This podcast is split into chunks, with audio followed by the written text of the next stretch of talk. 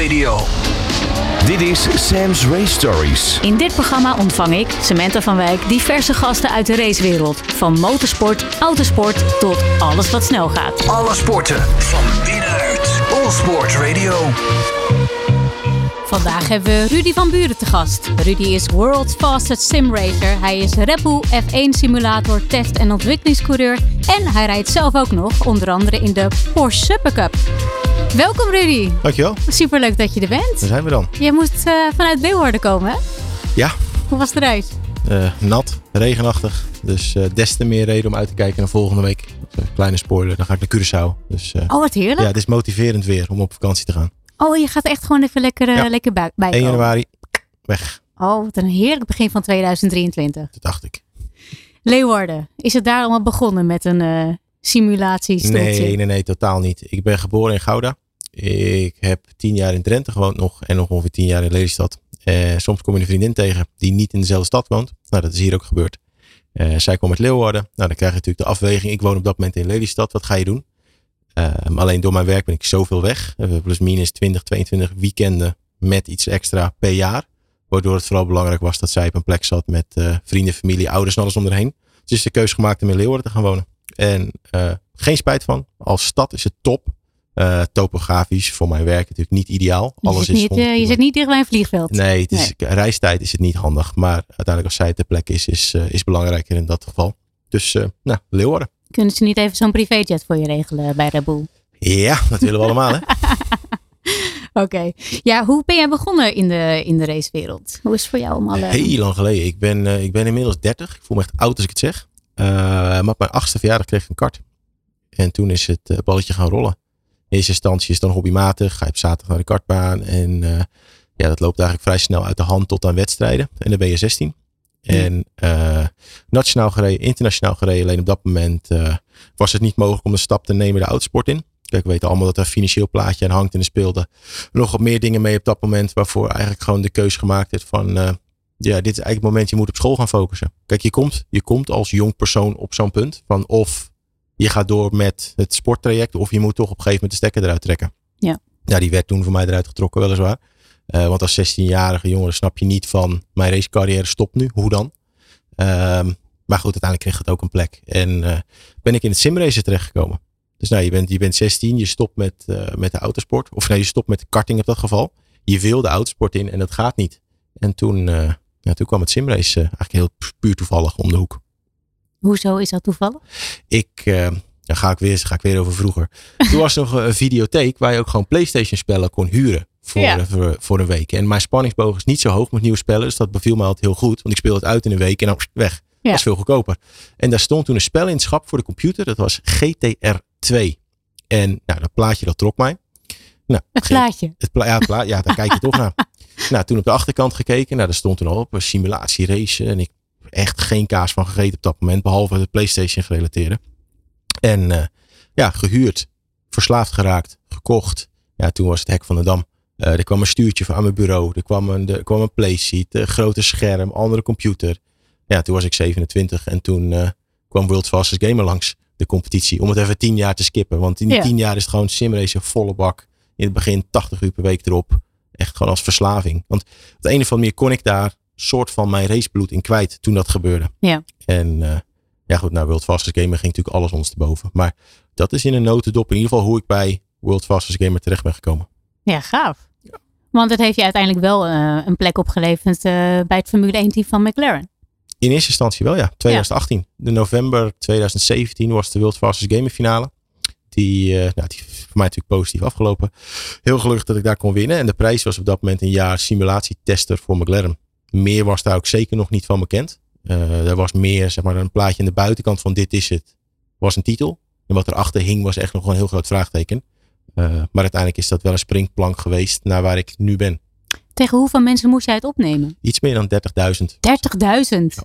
Dus maar gewoon echt, dan, dan ben je echt gewoon heel, heel, heel goed. In die competitie viel alles op zijn plaats. We moesten in verschillende spellen kon je je voorkwalificeren voor de finale.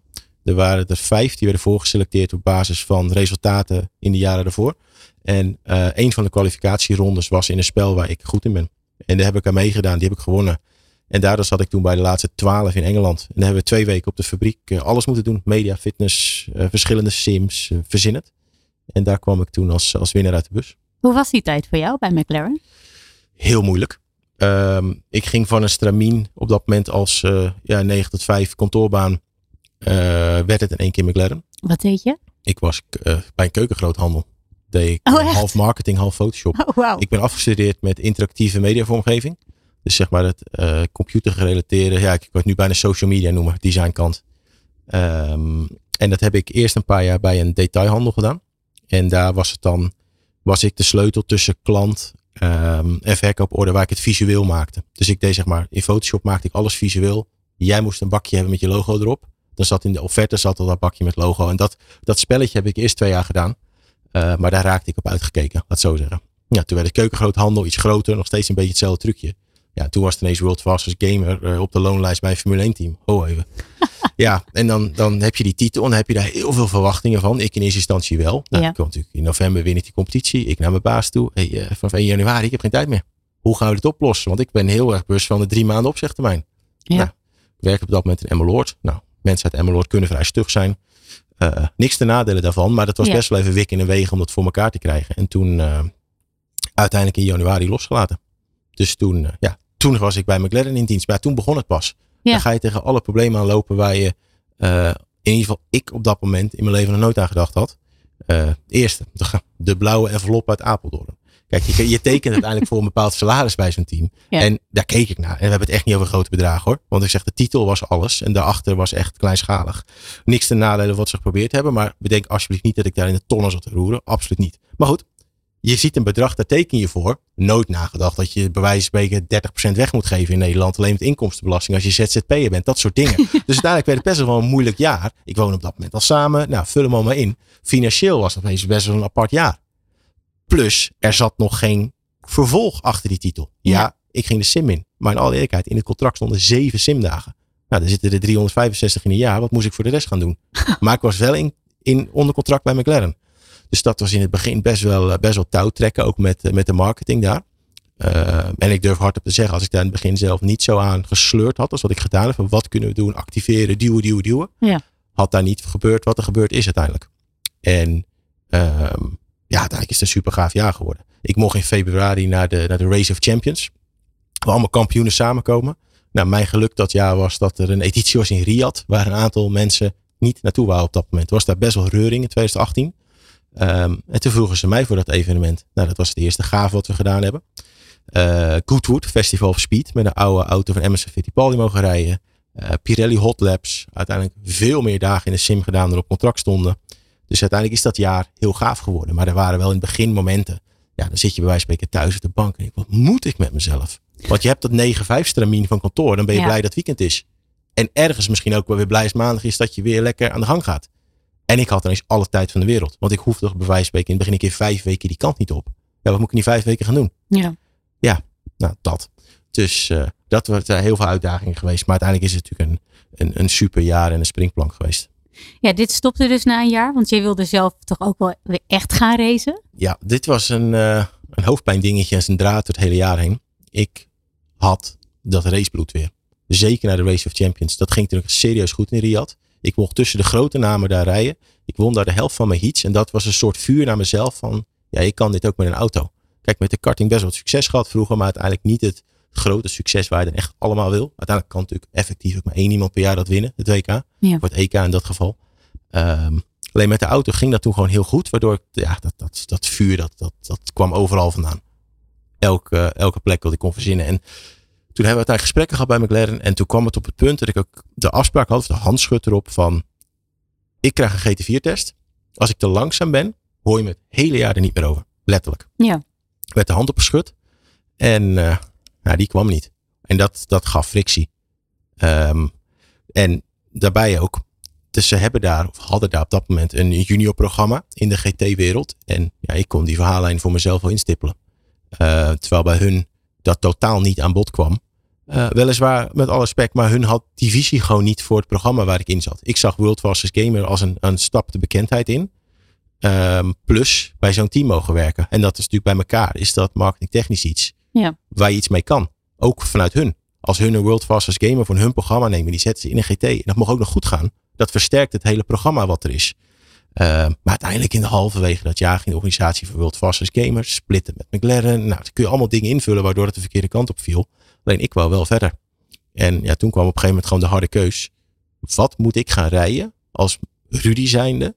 Wat uh, mijn merk versterkt, laat het zo maar zeggen. Of wat, als ik me ergens bewijs, wat moet ik dan nemen dat we echt verder kunnen? Ja. Want je kan op dat moment uh, in een nationale serie gaan rijden. Dat, dat kan. Alleen, ook al ben je daar succesvol, dat doet internationaal, ringelt dat geen bellen.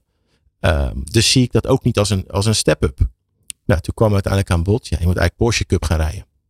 Nou, oké, okay, dan ga je daarvoor. Uh, ga je met de, ja, bij wijze van spreken, met de pet rond. Ga je teams bellen. Hoe zit dat? Nou, dan kwamen bedragen over tafel. Nou, dat kun je, dat kun je niet verzinnen. Je moest je eigen sponsoren. Ja, alles. Ja. Elke euro. Um, alleen uiteindelijk kwam dat toch goed. Kwamen de mensen om me heen. Eigenlijk een jaar later dan gepland. Want uiteindelijk was 2018 was McLaren. Uh, het einde van het jaar heb ik daar ook uitgesproken van jongens, ik ga de Porsche kant op.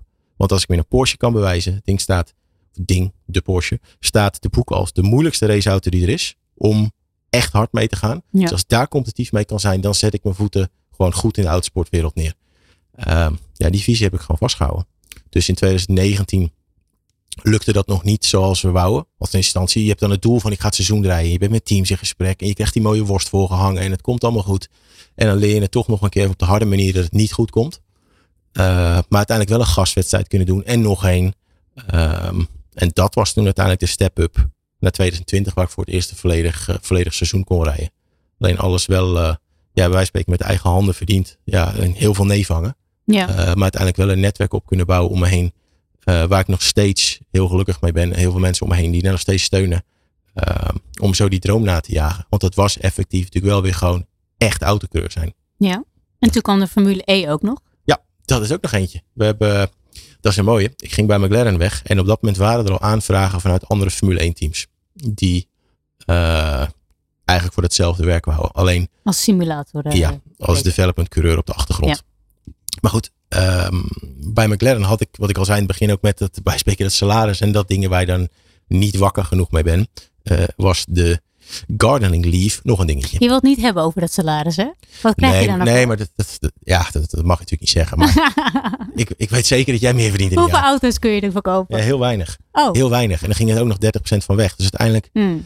houdt het erop dat ik effectief, wij spreken 1500 euro per maand over had. Onderaan de streep. Oh, oké. Ja, maar als je 25 bent, is dat natuurlijk echt niet veel. Nee. Nee, kijk, als je 16 bent en je werkt heel veel en je knokt er Ja. iets bij elkaar. Maar als je 25 bent en je hebt bepaalde dingen gewoon verkeerd ingeschat, is dat natuurlijk niet handig. Maar, nogmaals, dit was wel een springplank de rest van mijn carrière in. Precies. En het is goed gekomen. Alleen het was een leerproces. Dus het is niet negatief naar hun, want ze betaalden te weinig. Nee, het was Rudy.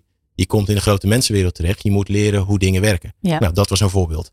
Uh, maar de gardening leave, die ik net aanhaal, was er nog eentje. Ik had getekend dat ik een jaar lang niet bij een concurrent in de sim mocht. Natuurlijk nooit bij nagedacht toen ik dat tekende. Ah, wat was Concurrentiebeding, gardening leave in ja. godsnaam. Ja. Uh, maar dat zette wel een vervolgstap. Toen ik bij McLaren stopte, kon ik dus niet effectief gelijk bij een concurrent aan de gang. Ja, dat was moeilijk. En toen was Mahindra was wel een, uh, een uitkomst tussendoor. Bij de Formule E. Ja, Formule E. Uh, dat is waar geen Formule 1, maar alsnog met alle elektronica om dat werkend te houden is nog echt een heel apart spelletje. Ja. En uiteindelijk heb ik daar in dat jaar ook gewoon heel veel geleerd. Maar hoe, hoe anders is dat? ja, dat, dat, kun je- dat, dat kun je voorstellen. Ik kom naar de eerste dag voor de sim en dan denk ik, oké, ik, ben, ik ben goed in een sim. Ja, dat kan ik hardop uitspreken. Oké, nou ga je de sim in, dan gaan ze eerst zeggen, nou rij maar. Nou dan ga je rijden, je hebt geen grip, eh, het remt, remt beroerd. Eigenlijk is het natuurlijk eens contra aan de Formule 1. Maar goed, daar kom je wel overheen. En uiteindelijk dan over snelheid, over één rondje. Zeg maar de kwalificatiesnelheid. Prima, gaaf. Dan komt het echte werk bij Formule E. De energie sparen, ermee omgaan, eh, de raceafstand. Nou, ik kreeg een partij klop de eerste dag. We hebben het echt over twee seconden per ronde. Ik snapte niet hoe Oh echt dat ik met die engineers de data in moest. Jongens, wat doen jullie? Die, die kan ik met de pet niet bij. En dat was gelijk zo'n motivatie. Want dat was eigenlijk de eerste keer dat ik bij een team kwam dat ik te langzaam was in de sim. Want met alle respect. We kwamen, ik kwam bij teams, daar zaten dan coureurs in die helemaal geen sim-achtergrond hadden. Ja, sorry, als je uit de sim komt, je eet ze op. Ja. Het is niks ten nadele van die coureurs. Dat is gewoon een generatieding. Uh, maar ik kreeg het bij me inderdaad. Dat, ik kreeg zo'n klop die eerste dag.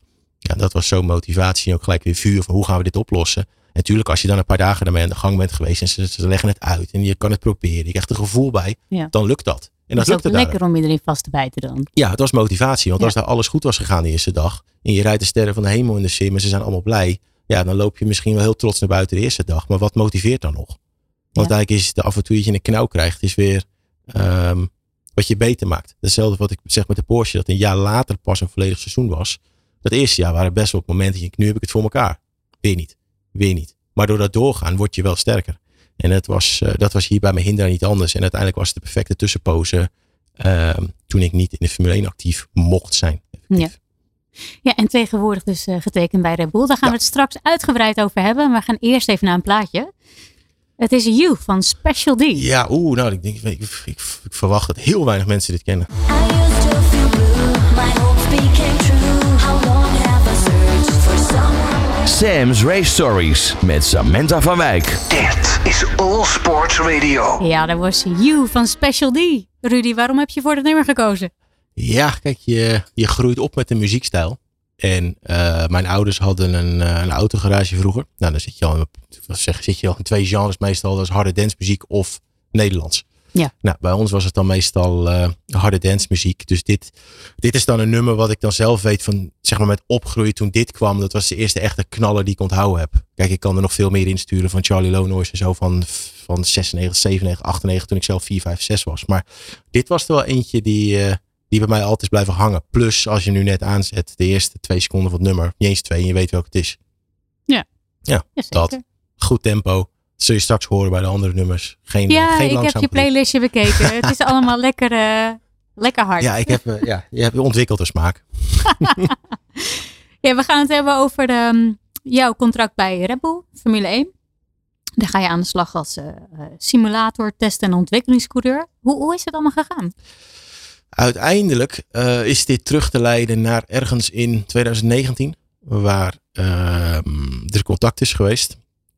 En er een trial is geweest van, oké, wil je bij ons eh, de sim inkomen eh, als probeersel, of dat werkt. En even voor de beeldvorming, ze hebben daar meerdere sims. Eh, je kan natuurlijk googlen Red Bull Formule 1 simulator, maar zoals alles in de Formule 1 is, alles wat je ziet is niet wat het is. Ja. Ehm, maar uiteindelijk hebben ze daar een, een junior sim en de echte sim, laat het maar zo noemen. En alle oefeningen, alle trial dingen voor nieuwe potentiële rijders, et cetera, gaat via de junior sim. Eh, dus die hebben ze mij toen uitgenodigd, ben ik geweest. Succesvol afgerond die dag. En eh, nog een twee weken later zat ik voor het eerst in de echte sim. Zijn we om tafel gegaan. En eigenlijk hebben we 20 en 21, eh, nou, en dan ook 22 nu weliswaar. Maar zijn er altijd op, op ad hoc basis ben ik daar geweest. Daar is niet echt een bepaald aantal dagen aan te hangen. Het was meer naar wat ze nodig hadden. Plus, daar stond ook in, dit mag niet wereldkundig zijn. Dus wanneer we je nodig hebben, nodigen we je graag uit. Dus Eh, dat is in het geheim. eh, alleen dit jaar kwam daar op een gegeven moment eh, reuring in. Ik heb in, eh, in het voorjaar is daar op een gegeven moment contact geweest. Van heb jij daar eventueel oren naar om meer te gaan doen? Eh, nou ja, weliswaar. Want eh, kijk, zelfrace is prachtig. Maar bij zo'n team, zo'n functie, zo dicht bij het vuur, Ja. is ook echt droomwaardig.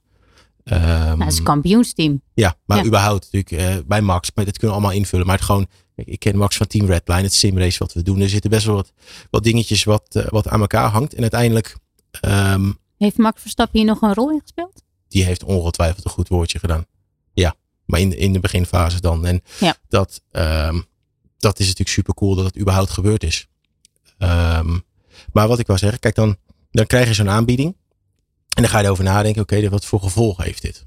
Want de, het nieuwe contract is dan weliswaar dit jaar begonnen. Ehm, maar hij heeft ook weer contra. Het wordt meer dagen, meer commitment. Dit betekent dus effectief een streep door mijn eigen racecarrière in Ja. bepaalde opzichten. Want ik moest kiezen prioriteit voor Red Bull of voor mezelf. En dat is een vraag die ik op een gegeven moment begin van het voorjaar kreeg. Van zou je daarvoor openstaan? Ja. Nou, dan ga je daar overheen. Ik wat ik net al zeg. Ja, zo'n kans is natuurlijk super. Eh, uiteindelijk is er in Silverstone Formule 1 weekend voor het eerst eh, aan tafel gesproken. Dus gewoon naar de opstelling hoe wij hier zitten met z'n drieën. Helmut Marco, Christian Horner en ondergetekende. Ehm, ja, en eigenlijk waren we een kwartier eruit. Hand erop geschud. En eh, een week later hadden we nog een wedstrijd. Was dan in de Red Bull Ring. En weliswaar kreeg afgelopen jaar Supercup. Dus ik was bij die weekend in Europa met, Ja. eh, met de Porsche series. En toen eh, kun je langskomen.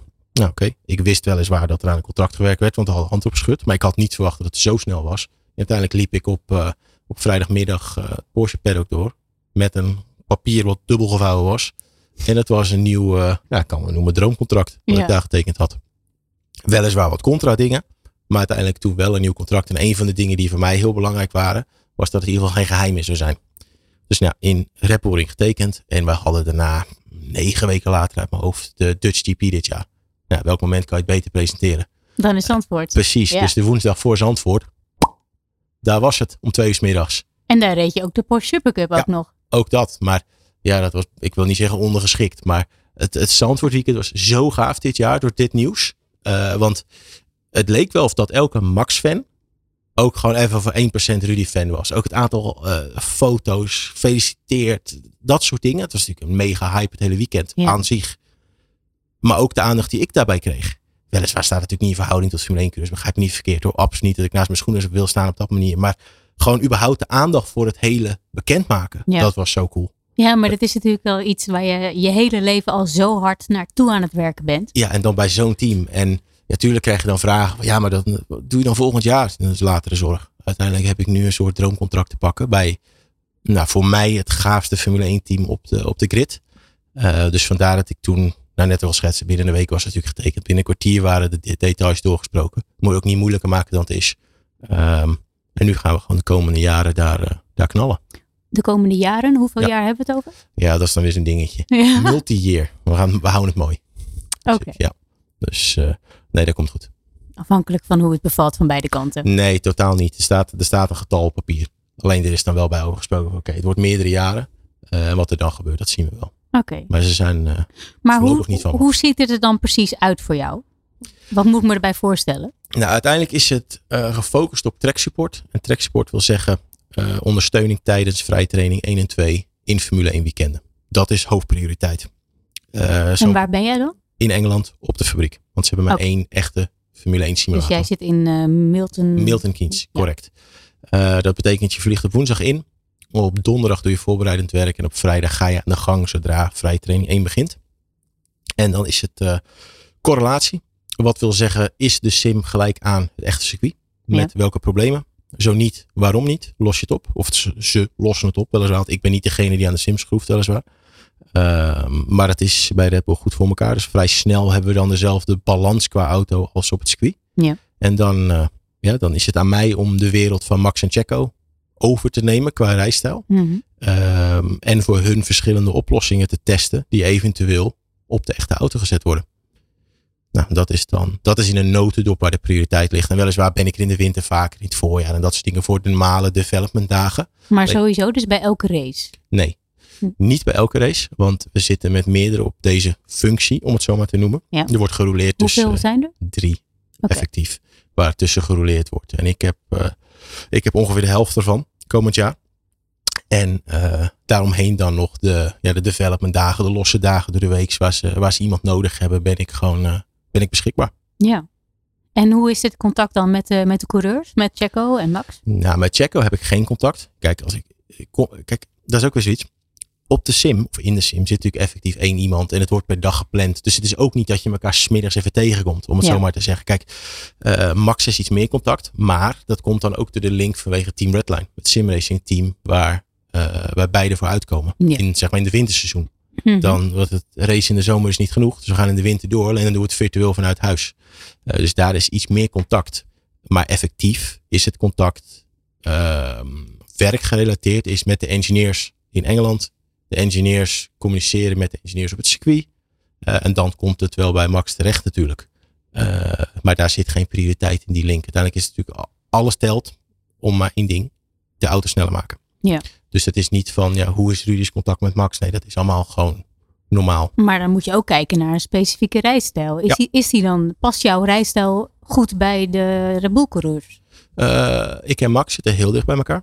Ja. Qua, qua rijstijl. Dat, is, dat zit in finesses. Checo heeft daar een iets andere visie op. Maar ehm, dat hoort wel bij mijn werk, noem ik het dan maar om het zo te zeggen. Wat ik net ook al zeg. Eh, ik moet de wereld van de rijder nemen. Daar bedoel ik ook mee. Ik kijk naar de onboardvideo's. Ik hoor alles wat ze zeggen. En dan ga je de sim in. Heb ik dan dezelfde balans? Ja, kan dat soms zijn dat het effectief iets is wat mijn ideale wereld niet is? Ja, ook.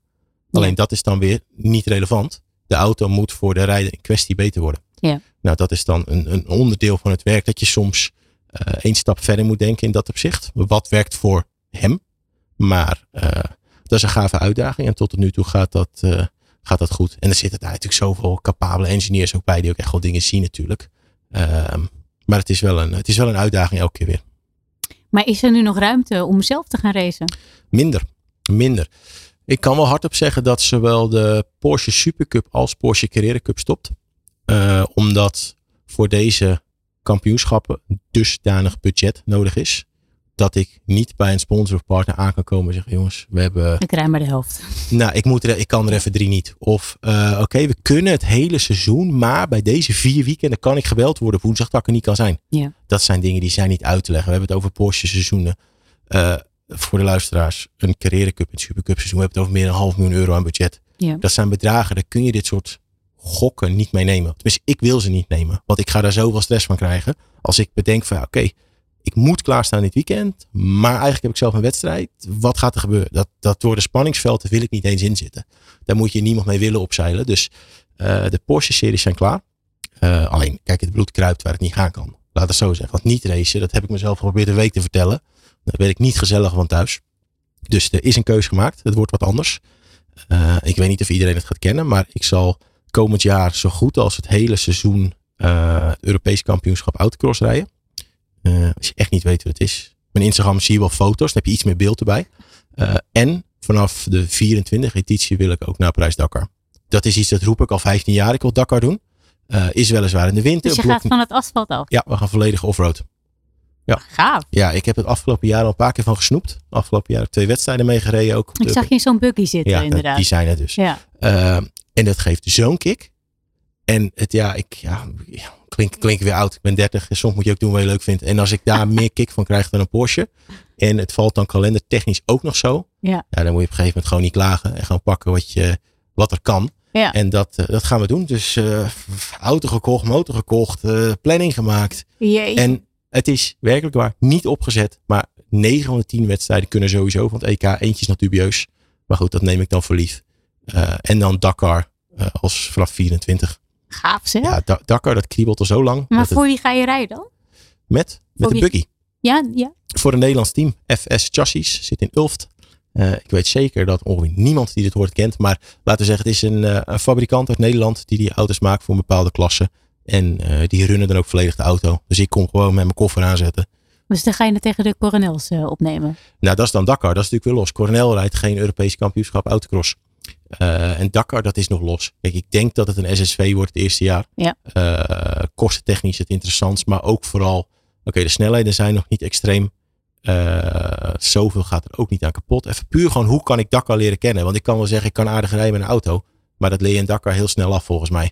Dus ik moet eerst eens een, een stabiele basis neerleggen. We gaan eerst eens een jaar Dakar leren kennen. Voordat we kijken naar, naar een hele dikke auto. Gaaf. Het is weer tijd voor een plaatje.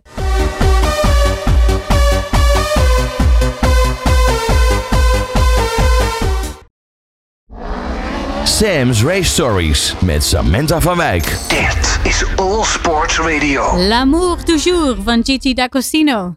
Rudy, vertel. Ja, wie kent hem niet? Ja. Ik moet eerlijk zeggen, als je me nu op de man afvraagt wat, is de titel, wat betekent de titel, weet ik het niet eens. Maar gewoon de beat.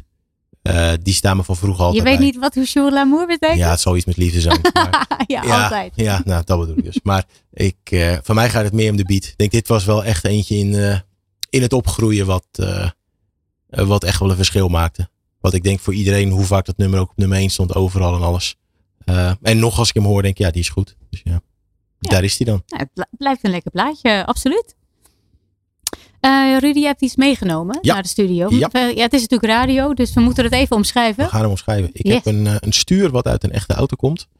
Wat omgebouwd is met een zogeheten buttonbox van de sim. Waardoor ik dus effectief eh, het echte stuur vast heb. Maar dat werkt ook op mijn simulator. En dit, deze komt letterlijk van mijn sim af. Die heb ik er vanochtend vanaf gepakt. Ehm, want ik, kijk, ik ben natuurlijk van echt naar virtueel, naar echt en nog steeds virtueel. Ehm, dus ja, dit brengt alle werelden samen. Hoe groot is dat verschil? Echt en virtueel. Ja. Ehm, Met dat stuurtje dan? Nou, kijk, dit kan zo in een echte auto zitten. Daar zit geen verschil in. Ook niet qua knoppen, qua dingen. Dit zou werken in een echte auto. Dat is identiek. Ja, kijk, er zijn per merk heb je natuurlijk verschillende layouts. Of Ja. je nou wel voor straatauto, je stapt, het dashboard ziet er anders uit, maar het doet hetzelfde. Effectief. En dat is hier niet anders bij. Nice. Ja. Ja. Dat, dat weegt best wel wat, zo'n stuurtje. Er zit best wel gewicht achter, maar het moet ook stevig zijn. Op de tegenwoordige Sims eh, kunnen we ook best wat stuurkrachten nadoen van de echte auto's. Nou, daarvoor heb je ook gewoon sterk materiaal nodig.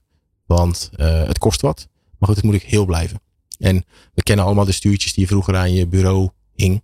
Ja, dat is allemaal de, ja, ik noem het dan de instapmodel. Dat is allemaal minder qua sterkte, et cetera. Ja. Maar dit is gewoon van de professionele markt. En dat is, eh, dat is echt heel sterk. Ja. En dus ook zwaar. Mooi. Als ik jou nou mag vragen, hè, wat vind je nou, wat vind je nou leuker? Dat, dat, dat echte racen of dat virtuele? De combi. En dat is heel cliché. Waarom? Uh, maar kijk, op een gegeven moment werd, toen ik bij McLaren begon, werd mijn hobby mijn werk.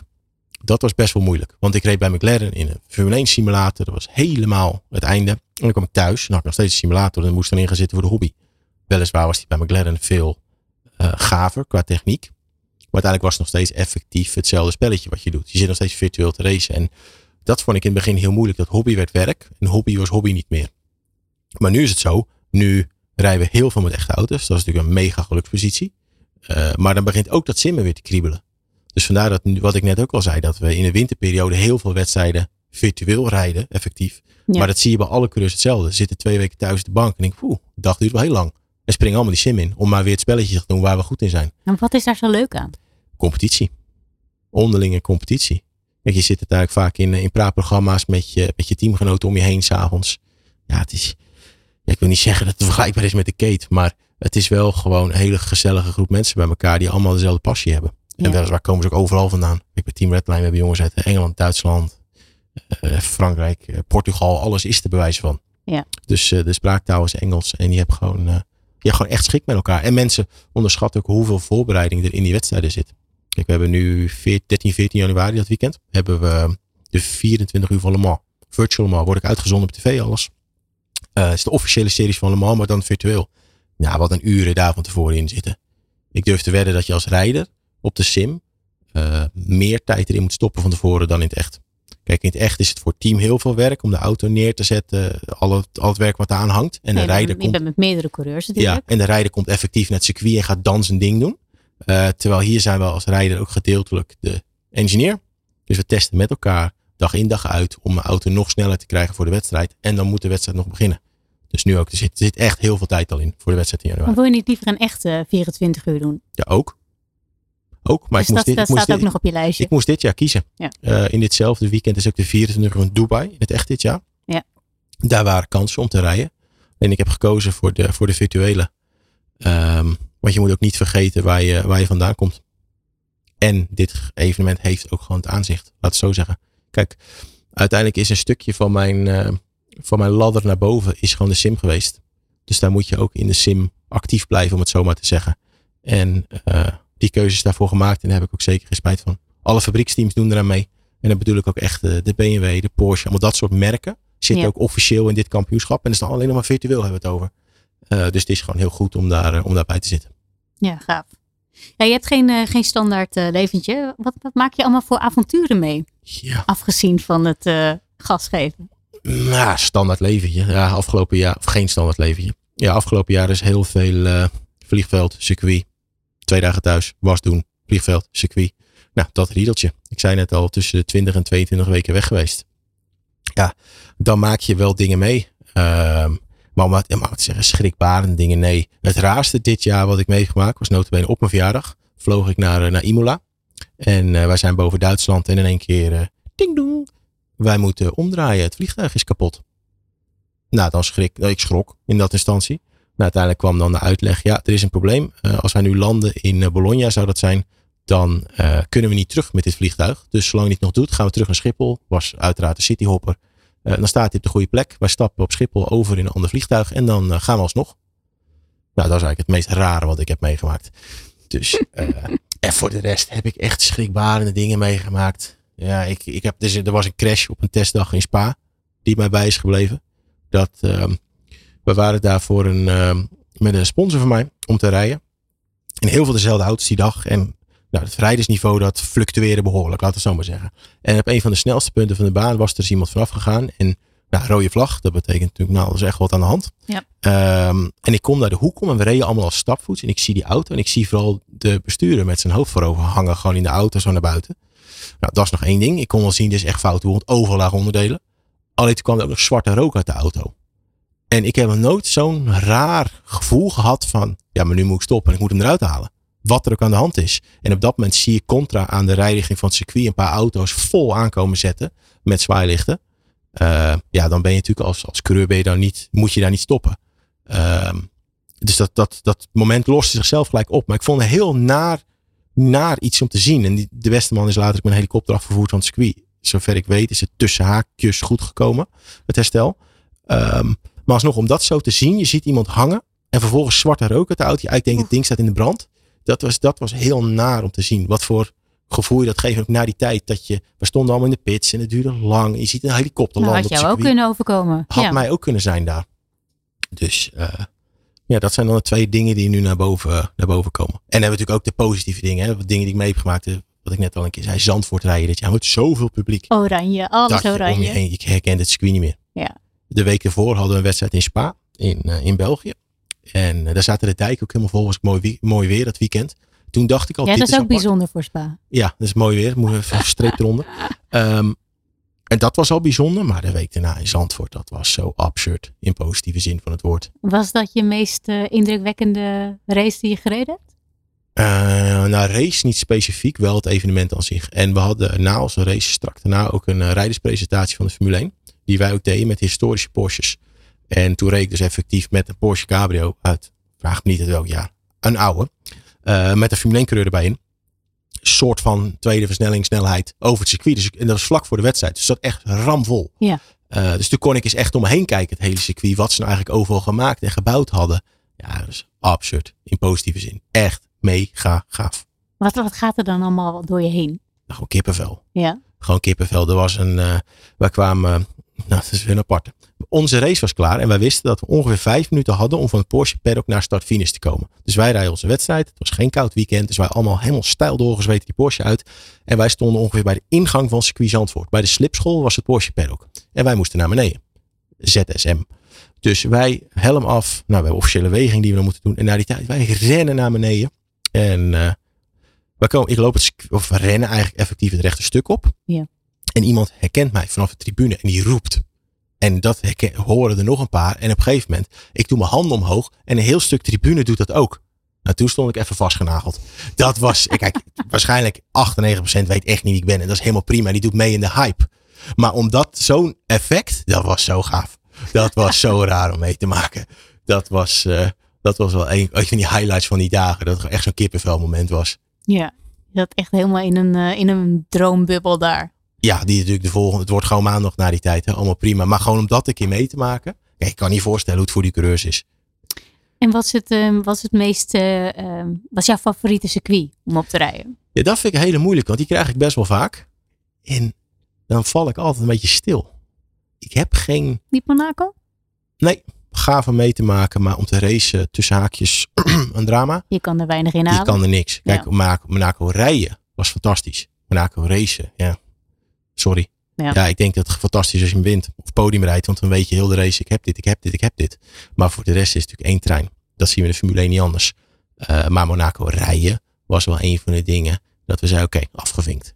Dat, dat, Nice. je, dat je de tunnel uitkomt en dat je letterlijk gewoon die boten ziet liggen en zo. Dat, eh, dat, is, dat is fantastisch. Maar kijk, Monaco rijden staat het circuit natuurlijk wel in de top 5 van dit is echt cool.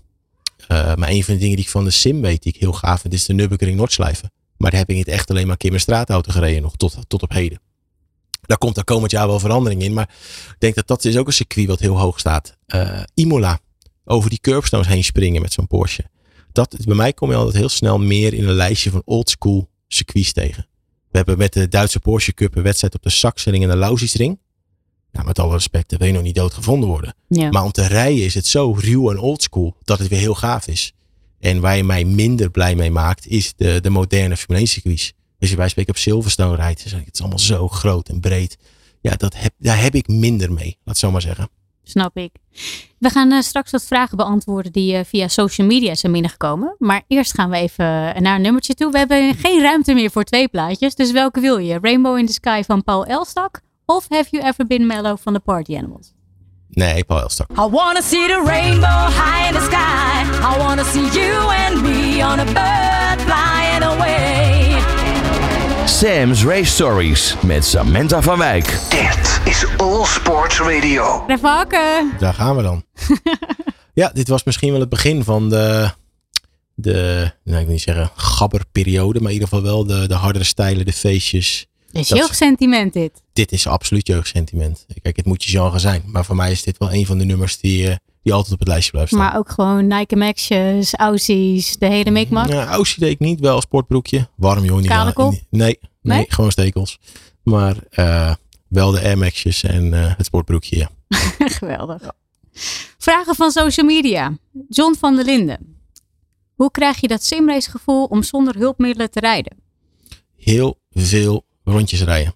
Uiteindelijk is het ook een bepaalde variant van muscle memory. Eh, en als je heel veel rijdt, gaat ook een bepaald gevoel ontstaan op basis van geluid, wat je hoort in de sim. Ja. Eh, in combinatie met een goede stuurinstellingen. eh, dat je eigenlijk een beetje het gebrek aan gevoel door de billen oplost. door andere signalen te versterken. Dus weliswaar, je voelt door het stuur een beetje wat er gebeurt. Je hoort geluiden wat de banden doen. En dat worden eigenlijk de twee cues waar je dan heel erg op gaat rijden. In plaats van wat je in het echt eigenlijk aanleert. Ja. Het gevoel door je billen. Maar uiteindelijk staat alles op heel veel rondjes rijden. Oké, helder. Eh, Joey0204 die vraagt: wat is je grootste hoogtepunt in je carrière en wat is je grootste blunder? Eh. Blunder. Oh, dan kunnen we wel teruggaan naar een van mijn tweede. Mijn tweede. Nee, we kunnen nog veel verder teruggaan. Naar karting gaan we terug. Ik ben toen een keer in de laatste ronde van de baan geschoten. En was volledig in de veronderstelling dat het door een ander gedaan werd die achter me reed. Ging toen ook volledig uit mijn stekker naar de finish. En toen bleek dat diegene er gewoon een paar kartlengtes achter reed. En ik over zand van de baan was gegaan. Ja, was eh, een slechte napraat. Maar dit is echt, dit is twintig jaar geleden. Plus minus. Heb je de blessures dan overgehouden? Nee, totaal niet. Totaal niet. Gewoon, gewoon door het gras heen eraf en je werd tweede. Maar helemaal in de veronderstelling dat ik een setje kreeg. Eh, dus dat was wel een van de blunderdingen. Ja, en ik denk hoogtepunt is dan toch het contract van afgelopen jaar. Dat dat naar buiten kwam. Uiteindelijk is dat toch loon naar werken. Kijk, eh eh, Kroon op het werk. ja, op die manier dan. Kijk, en het is niet het eindstation ook. Er komen nog andere dingen. En die, die race-series die ik heb mogen rijden afgelopen jaar, is natuurlijk extreem gaaf. En jongensdroomwaardig. Maar dat vind ik met de stap naar Red Bull misschien nog wel meer. Op deze manier. Gaaf. Eh Ralf Tanke. Waar zie je nog kans om jezelf te verbeteren? Eh, nou, ik ben niet kampioen geworden in de Porsche. Dus er zijn nog zat dingen anders om te, je bent verbeteren. elfde geworden. Supercup is 11, Duitsland was zesde. Ja. Eh, dus ja, daar zijn zeker kansen om te verbeteren. Afgelopen jaar was de kwalificatie was vooral een probleem. Dat het daar vaak nog net niet goed viel. Vrije training erbij, kwalificatie net niet. En dan in de race wel de snelheid hebben, maar te ver van achter moeten komen. Ja. Eh, dus op basis van afgelopen jaar zou ik zeggen kwalificatie scherpte. Ehm, maar ik denk in het algemeen als mens is er altijd wat te leren. Eh, de, de, er zijn op dit moment best wel veel ontwikkelingen met, eh, met tv, maar ook met podcastdingen zoals dit. Eh, om dat ook breder uit te breiden. En daarnaast heb ik ook een eigen, ja, ik noem het even, bedrijf waar ik simulatoren opbouw voor coureurs. Dus zeg ja. maar in het hoge segment. En daar zijn we ook met een paar hele gave ontwikkelingen bezig met een leasemaatschappij en zo erbij. Om een breder publiek van de juiste spullen te kunnen voorzien op basis van weliswaar leaseconstructie, maar wel eentje die te doen is. Eh, om dat dan ook ehm, ja, als pakket aan te bieden. Zodat het niet alleen maar is van de mensen die bij wijze van spreken hier zo hapsnik 10, 15.000 euro kunnen betalen voor zo'n sim. Maar dat er Ja, ook een Een instapmodel. Nee, maar gewoon dat het terug te brengen is naar een maandelijks bedrag waarvan je zegt, oké, als je je koppen bij elkaar steken of je werkt er hard voor, dan Ja. lukt dat. En is die wel eens wel afbetaald in vier jaar. Ehm, maar die sims die zijn ook goed genoeg dat ze meer dan vier jaar meegaan. Eh, dus dat is zakelijk nog wel een uitdaging om dat goed eh, in het vat te gieten op het moment. En er wordt uit mijn hoofd wordt het rond 1 februari komt dat naar buiten. Nieuwe Ja. website, de hele mikmak, alles erbij. En dan, eh, nou dat is wel een ontwikkeldingetje. Dus maar afgelopen jaren geleerd, je moet wel horizontaal ontwikkelen. Maar in het begin dacht ik alleen maar verticaal. Hoger op die ladder, hoger op die ladder. Maar ja, dan is het raceseizoen voorbij. Ja. En dan miet straal je het hele stuk naar beneden. En dan, ja, wat ga eigenlijk doen? Dus nu zijn er gewoon zijwaartse facetten die, eh, ja, die ook wel aandacht krijgen. En die dan ook, eh, die dan ook helpen. Ja, maar een stukje vooruitdenken, toekomst, Ja. lange termijn. Ja, nee, heel slim. Ehm, Ralf die vraagt ook waarin onderscheid jij je ten opzichte van andere coureurs waardoor je een plek bij Red Bull hebt verdiend? Ja, is moeilijk. Het wordt een gevalletje veer in eigen achterwerk steken. Ehm, maar ja, het, het, het klikt heel goed met het team. Kijk, uiteindelijk moet je een kans krijgen bij zo'n team. Ja. En uiteindelijk zit natuurlijk ook wel een beetje geluk bij vanaf de, de World Fastest Gamer titel al. Dat je op een bepaalde manier in de spotlight komt, dat je kansen krijgt. Eh, maar tegelijkertijd moet je ze ook pakken als je ze krijgt. En dat is tot op heden ja, eigenlijk heel goed gegaan. En wat ik zeg, het klikt goed. Ehm, gave partij om bij te werken. Kan ook van mezelf zijn. En op die manier lijkt er gewoon een, een hele goede chemie te zijn. En daar bouwen we gewoon lekker op, eh, op door. Ja. Ja, jij bent eh, inmiddels eh, best wel allround in het racen. Van simracen tot Formule E, tot Formule 1, tot, nou ja, goed, wegracen, noem het maar op. Je gaat nu ook offroad. Mhm. Zijn er nog andere dingen die je graag zou willen proberen? Iets op twee wielen misschien? Ik heb altijd gezegd, motocross is de, de gave sport die er is. Ik volg alles van het MXGP. Ehm, alleen, ja, vroeger, toen ik begon met karten, toen ik acht was, toen kwamen we altijd langs de motocrossbaan. En toen werd altijd gezegd, ja, gaan we niet doen. We gaan karten, is veiliger. Ja? Nou, oké, die keuze als ouder kan ik dan begrijpen. Ehm, maar ik heb altijd chemie gehad met het offroad. En dat het weliswaar nu een beetje in een soort mix komt. Mhm. de buggy is dan wel vier wielen, maar het is wel offroad. Ehm ja, komen we toch wel een beetje in die, in die richting Maar heb terecht. je het wel eens gedaan? Nee. Mountainbike is het meest gekke wat ik heb gedaan op twee wielen. Ik heb, eh, ben voor me, wel voor mijn straatmotor rijbewijs gegaan. Alleen ik was bang. Oprecht. Hoezo? Ja, ik ben, ik ben vrij groot. Ik, had toen, eh, ik moest toen op straat rijden. En een winderige dag, koud op een naked bike. Ik dacht dat ik eraf wapperde. En dat vond ik zo'n nagevoel. Harde onderarmen, kramp in mijn benen van het knijpen van die tank. En ik, dit is niks. Ik ben gelijk gestopt. Dit gaan we niet doen. Ik zit hier niet comfortabel op. Alleen nu, een paar jaar later, denk ik dan wel, ja, een gebakken ei. Had nou gewoon doorgezet, had het rijbewijs gehaald. Ja. En ga lekker op een mooie dag rijden. Dus eh, als de midlife crisis goed inhakt, dan gaat hij er wel komen. Het- maar eerst even, eerst even een paar basisdingen hebben. Oh, geweldig. Ja, je moet gewoon doorzetten, joh. Als het goed is. eh, Maar ik heb al wel gezien, je kan eh, in eh, Eindhoven, kan je bij, eh, bij Van Drunen, kan je zeg maar een soort motocross cursus voor een dag doen. We hebben ze spullen erbij en dan kun je dan op, ga je echt gewoon op het zand ja. eh, met de Yamaha 250 rijden. Ik denk dat, eh, dat we dat maar eens moeten doen. Maar er hangt voor mij dan tegelijkertijd weer aan. Oké, stel ik raak geblesseerd. Want het is natuurlijk heel makkelijk. Er gaat iets mis. Je weet niet wat je doet. eh, je, je verzit je knie, je kniebanden, whatever. Weet ik, een paar weken heb je echt wel een probleem. Of langer zeg, als je hem echt scheurt. Ja. Ja, dat kan ik met werk eigenlijk helemaal niet hebben. Hetzelfde probleem met wintersport. Ik ga zo graag snowboarden. Alleen en tegelijkertijd durf ik het ergens ook niet. Nee. Want er kan altijd iets Je hoeft, je hoeft ja. het niet zelf te doen. Ja. Ja, dus daar ga je al in. Hey, je, je klets lekker. Eh, We zijn al bijna door de tijd heen. Nog even jouw doelstelling voor 2023, zo aan het einde van het jaar. top 3 EK autocross. Ja? Zo. Voor volgend jaar, 100%. Ja. Ja. Ik Ja. vind als je een nieuwe, nieuwe tak ingaat en je hebt het zelf in de hand, dan moet je ook voor hoog inzetten. Ehm, dus dat is een van de dingen. Eh, succesvol het seizoen heen komen bij, bij Red Bull. Kijk, want eigenlijk gaat er een hoop dagen zijn. Eh, maar ik ga ervan uit dat dat gewoon zijn gang gaat, zolang we allemaal scherp Ja. blijven. En dan eh, met flow, met de simulatoren, toch nog, eh, nog breder, nog meer mensen eh, ja, van het juiste materiaal voorzien. Nice. Dan wil ik jou heel erg bedanken voor jouw tijd. En eh, heel veel succes met alles. Jullie jullie bedankt voor het luisteren. En alvast een gelukkig nieuwjaar. En fijne vakantie op Curaçao. Dankjewel. Beste wensen. Sam's Race Stories met Samantha van Wijk. Dit is All Sports Radio.